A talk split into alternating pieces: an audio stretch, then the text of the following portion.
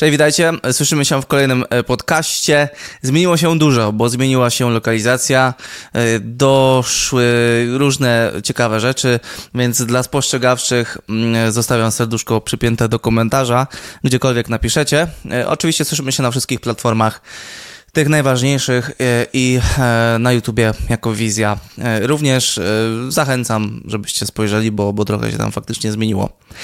Dzisiaj temat na prośbę messengerową, wiadomościową i umówmy się tak, że rzucajcie swoje propozycje, po prostu rzeczy, które chodzą wam po głowie, o czym chcielibyście usłyszeć w podcaście, bo kurczę, no y, to to, to jest też trochę dla Was, częściowo też dla mnie, bo lubię sobie trochę popodcastować i mimo wszystko siedzę tutaj sam yy, i mogę Wam wrzucić od razu bezpośrednią taką swoją wizję z perspektywy gościa, który już trochę tych filmów w życiu się narobił. Yy, no i to myślę, że może mieć dla Was super taką wartość yy, merytoryczną. Dlatego przeczytam Wam wiadomość, którą dostałem od Daniela. Chciałem podrzucić temat na podcast, gdyby Cię ten temat zainteresował. Chętnie chętnie bym posłuchał, co masz do powiedzenia w tym temacie. E, czy pracując na matrycy, matrycy APSC możesz łapać poważnych mm, klientów? Mocno walczę z myślami, bo uwielbiam ergonomię szkieł APSC, a słabszy lowlight jestem w stanie przełknąć. Jednak wciąż mam w głowie, że nie będę profesjonalny korzystając z tej matrycy. No to yy, powiedzmy w końcu taką moim zdaniem ważną e, prawdę, którą trzeba opowiedzieć, bo nie będziemy się z tym chować, że czasem jest tak, że musimy zbudować duże zestawy po to, żeby wyglądać profesjonalnie i wygląd na przykład jest jakaś część ludzi, która śmieje się z branży beauty, ale doszliśmy do takiego momentu, e, prowadząc swoje trochę personal brandingi i swoje firmy i będąc w oczach klientów, że budujemy ogromne zestawy, które są totalnie bezsensowne. E, dźwigamy to na plecach, a tak naprawdę moglibyśmy sobie robić tematy malutkimi zestawami, które też dawałyby radę. Dla mnie taki e, sens budowania dużych zestawów bierze się z tego, że faktycznie mamy realną potrzebę, żeby dany osprzęt był do naszego body aparatu kamery przypięty. I teraz weźmy to na przykładzie mojego Reda Komodo. Mm, mamy zwykłą puszeczkę Reda Komodo, która jest naprawdę bardzo malutka. E, I jeżeli dopinamy teraz e, do niej kolejne rzeczy, takie must have, no to lecimy. Y, mogę wpiąć bezpośrednio dwie baterie w tym takim standardzie Canona, y, ale nie będę mógł wtedy wypuszczać sobie na przykład y, zasilania do monitora zewnętrznego. Dlatego dorzucam taki adapter na Viloka, tak zwaną dupkę, tak się mówi w branży. I do tego dorzucam baterię Wilok. E, rozmiary różne, ale załóżmy, że jest ona średnich rozmiarów. Teraz nie będę korzystał z monitora podglądowego mm, tego w Redzie Komodo, malutkiego, bo dla mnie jest za mały, więc muszę wypuścić sobie jakiś, jakiś monitor zewnętrzny różnych rozmiarów, niech będzie to chociażby te 5 cali, to jest taka, taki fajny rozmiar, mam też 7 cali, który jest trochę za duży, ale montujemy te 5 cali. Żeby przymontować w Redzie te 5 cali, no to musimy dołożyć jakąś klatkę, żeby mieć akcesoryjne mm, otwory na właśnie ten gwint, e, czyli już mamy taki temat. Teraz przypniemy to sobie albo do jakiegoś gwintu z boku, z góry, no ale lepiej by było dołożyć górną rączkę i tam wpinać monitor. To by było takie rozsądniejsze. Ewentualnie na takich szynach też mam taką klatkę i możemy wsuwać sobie monitor na taki szybko złączce. Dorzucamy obiektyw, no i kablujemy, czyli tam SDI i zasilanie. Jeżeli korzystam z autofokusu w, w Komodo, da się to zrobić ale jest on taki troszeczkę, wiecie, że mógłby jeszcze troszeczkę być, mógłby jeszcze być dopicowany, nie? To nie jest ten fokus znany z Sonówek, z Canonów, mm, czy nawet z Panasonica, tak jakby odstaje dosyć mocno e, ten, ten autofokus. Więc możemy dopiąć jakiś baseplate, e, wypuścić sobie rureczki, dołożyć jakiś follow focus, czy to taki e, sterowany bezkablowo, czy, czy manualnie, to już whatever. I okej, okay, to mamy przykład kamery, nie? I to są takie rzeczy trochę must have, które muszę zrobić, żeby pracować teraz na tym zestawie. No bo tak jak powiedziałem, to są takie e, no must have rzeczy, mimo wszystko. E, teraz taki zestaw, powiedzmy, że będzie nam ważył 4 kg, 4,5 no to wrzucamy go na jakiegoś gimbala.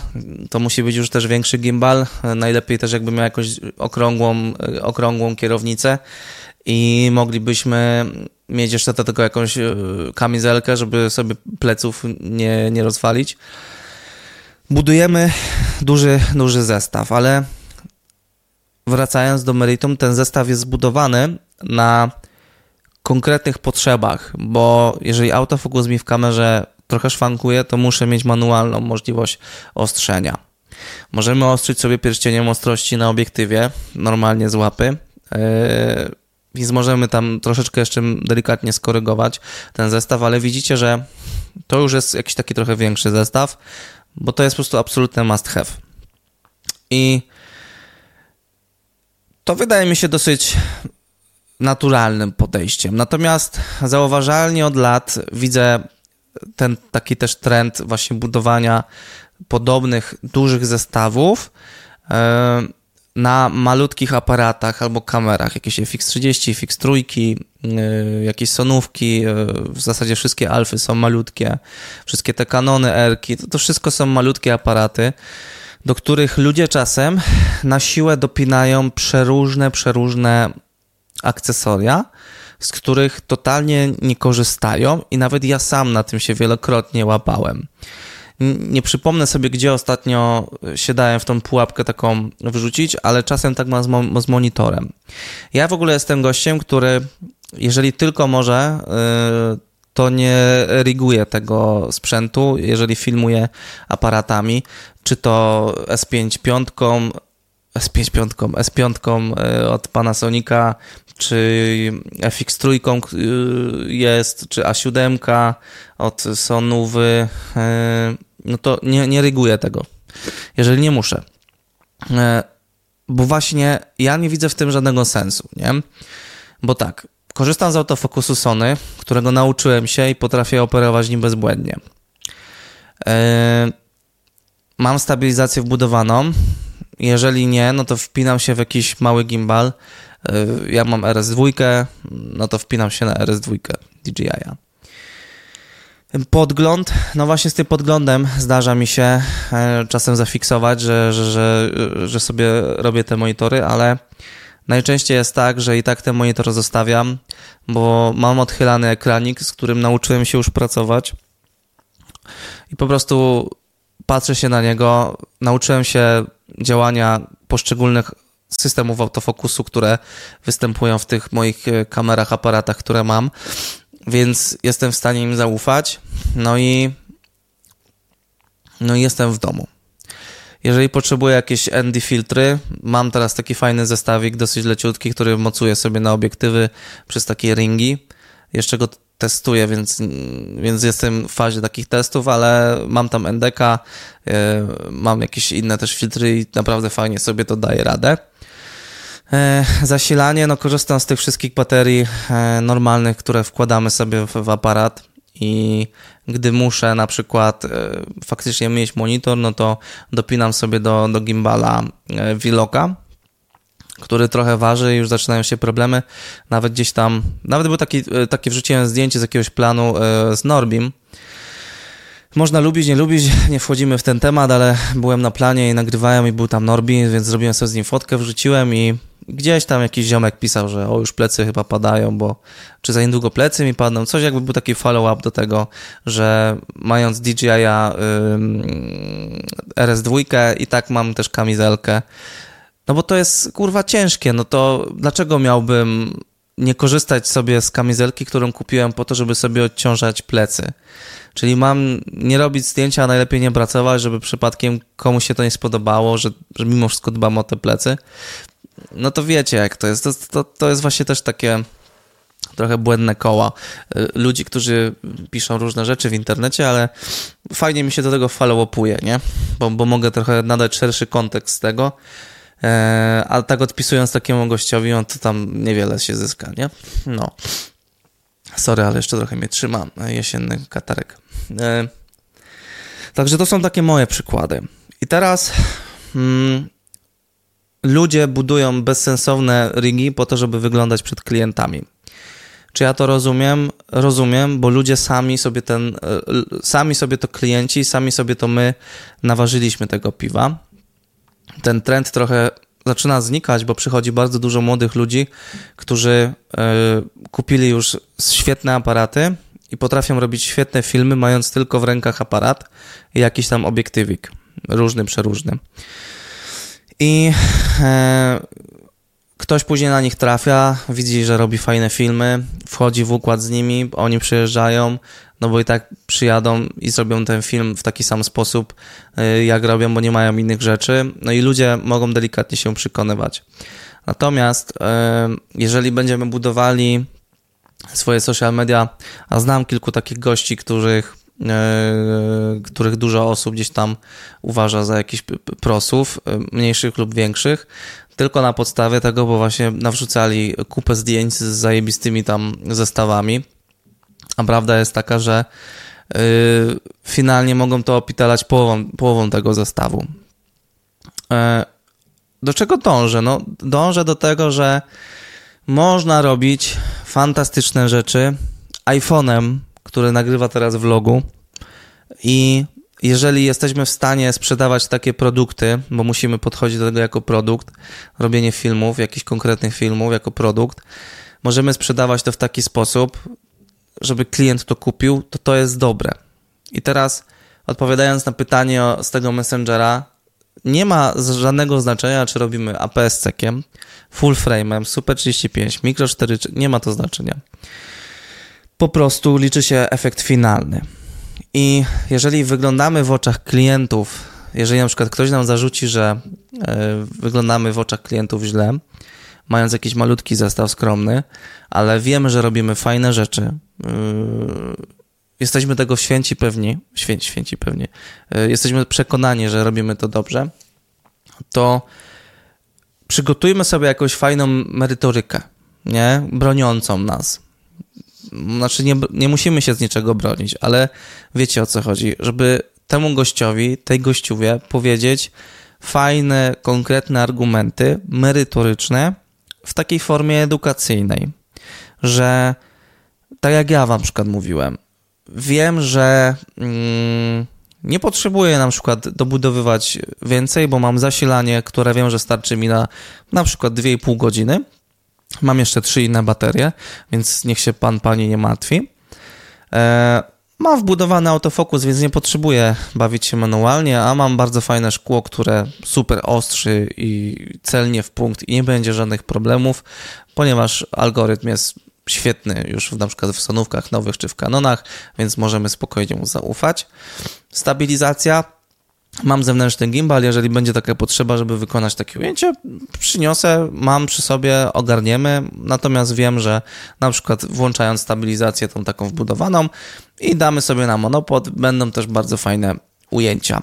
E, w dodatku będziemy nagrywali na przykład super szerokim obiektywem, nie wiem, 16 mm, więc ta stabilizacja e, przez pryzmat tego, że widzimy bardzo dużo, będzie e, świetnie działała, bo ludzkie oko nie będzie w stanie tak aż bardzo zaadaptować się. Gdybyśmy na przykład nagrywali 50 mm, no to te wszystkie ruchy byłyby zdecydowanie widoczniejsze.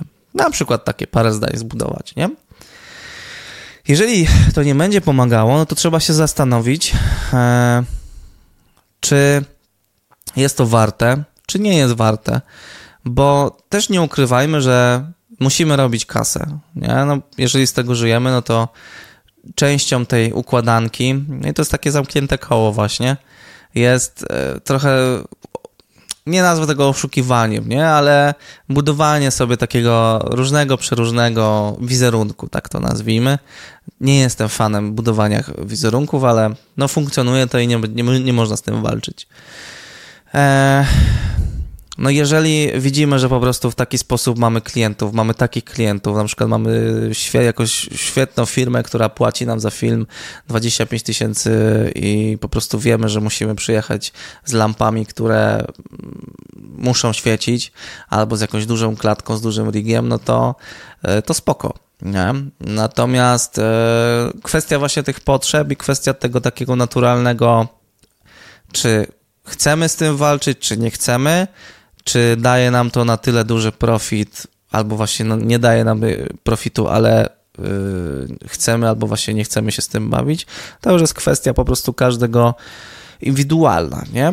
Bo żebyście mnie źle nie zrozumieli, to nie jest nic złego, nie? Że budujemy duże rigi i i pokazujemy klientom, że mamy świetne, świetne duże rygi. Natomiast finalnie, jeżeli wiemy, że i tak zrobimy to bez takiego origowania, no to kwestia trzeba, trzeba się trochę zastanowić, czy, czy chcemy się tak bawić i wiecie, wszystko gdzieś tam jest umiejscowione w czasie, nie? I dźwigamy różne rzeczy, e, wrzucamy się w jakieś zakupy, które potem leżą i pojawiają się na planie raz, raz na rok wiecie, no trzeba z takiej też trochę strony podejść, nie? Teraz tak e, schodząc na temat tego APS-C czy full frame, nie ma żadnego znaczenia, jeżeli e, czujesz się dobrze w pracy e, z kropowanymi matrycami, robisz fajne filmy, czujesz jakby tą specyfikę obrazu i wiesz mniej więcej, że są rzeczy, które e, lekko mogą cię ograniczać. Why not? Bez problemu. Wydaje mi się, że 98% klientów totalnie nie rozróżni. Gdybyśmy postawili FX3 i FX30, nie odróżni tych dwóch aparatów kamer. Jeżeli postawimy jakąkolwiek inną, e, jakiegokolwiek Lumixa GH6 obok S5 Mark II, klient nie zorientuje się, że tutaj mamy kropa, tutaj mamy full frame'a. Powiem więcej, że 98% klientów nie zorientuje się w filmie, czy, czy nagrywany obraz był tym czy tym. Ja to też trochę widzę po moich materiałach, które ostatnio wrzuciłem, że e, ludzie nie są w stanie odróżnić e, ujęcia nagranego Redem Komodo od e, Lumixa, od A7 trójki, która już ma swoje lata. Wszystko e, po prostu kwestia takich umiejętności i znajomości naszego sprzętu, bo ja zawsze powtarzam, że jak macie już ten sprzęt, to naprawdę wymasterujcie go, nie? Nie bójcie się e, siedzieć po nocach i przeklikiwać się po menu, żebyście mieli zawsze pod ręką to, co chcecie osiągnąć, jakby narzędzie, nie? Traktujmy sprzęt jako narzędzie i narzędzie trzeba znać w 100%, żeby na przykład jak obsługujecie betoniarkę, żeby wam rąk e, nie upierdoliło, no to tak samo trochę możemy podchodzić do aparatów, nie? Że, że, że wiecie, że, że, że to jest też takie narzędzie, które trzeba znać na pamięć.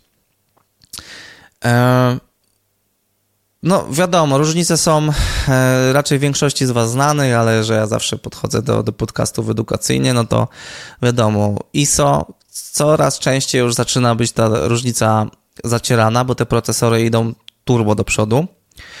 E, troszeczkę inna głębia ostrości, e, trochę inne koszty przy zakupie obiektywów e, na korzyść e, kropów, ale mimo wszystko, jak wchodzimy już na jakiś pułap, to te też się zaczynają zacierać te ceny. No jak chcemy już coś porządnego, to to będzie zawsze kosztowało.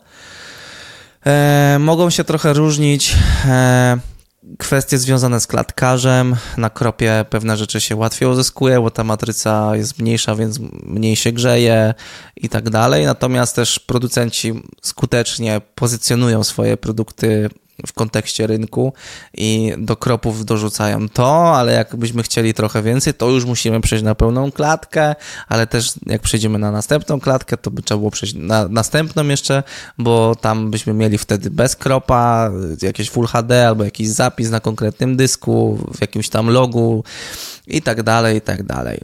Yy, myślę, że wyeksploatowałem temat. Być może ktoś to odebrać trochę ofensywnie, natomiast ja bym do tego podchodził z takim luzem, ale też zauważyłbym właśnie taki problem, który Wydaje mi się, mało kto chce ten temat poruszać, ale ja w tym nic złego nie widzę, bo finalnie chodzi nam o to, żeby uzyskiwać fantastyczne efekty dla naszych klientów i robić piękne filmy. Jeżeli jesteś klientem, to nie ma to znaczenia, czy ktoś przyjedzie z lampą za 500 zł e, i z aparatem za 2,5 tysiąca zł i zrobi ci fantastyczny film, czy przyjedzie ci 10-osobowa ekipa i może się okazać, że wyprodukuje ci gówno. Może tak być, bo już takie historie y, spotykałem.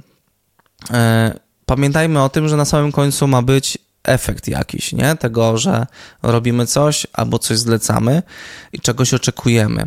I e, nieważne jest, jakimi środkami ktoś do tego dojdzie. Najważniejsze jest to, żeby te filmy wyglądały fajnie.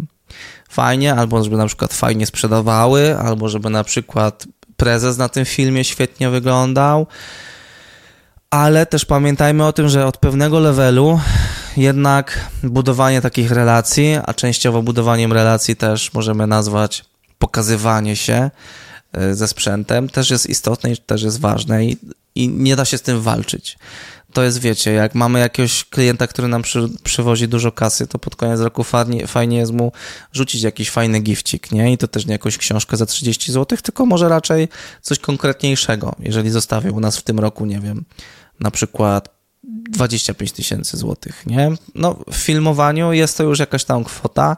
Yy, nie, jest jakaś tam część ludzi, która nigdy nie, nie złapie jednego klienta, który zostawi mu w skali roku 25 koła.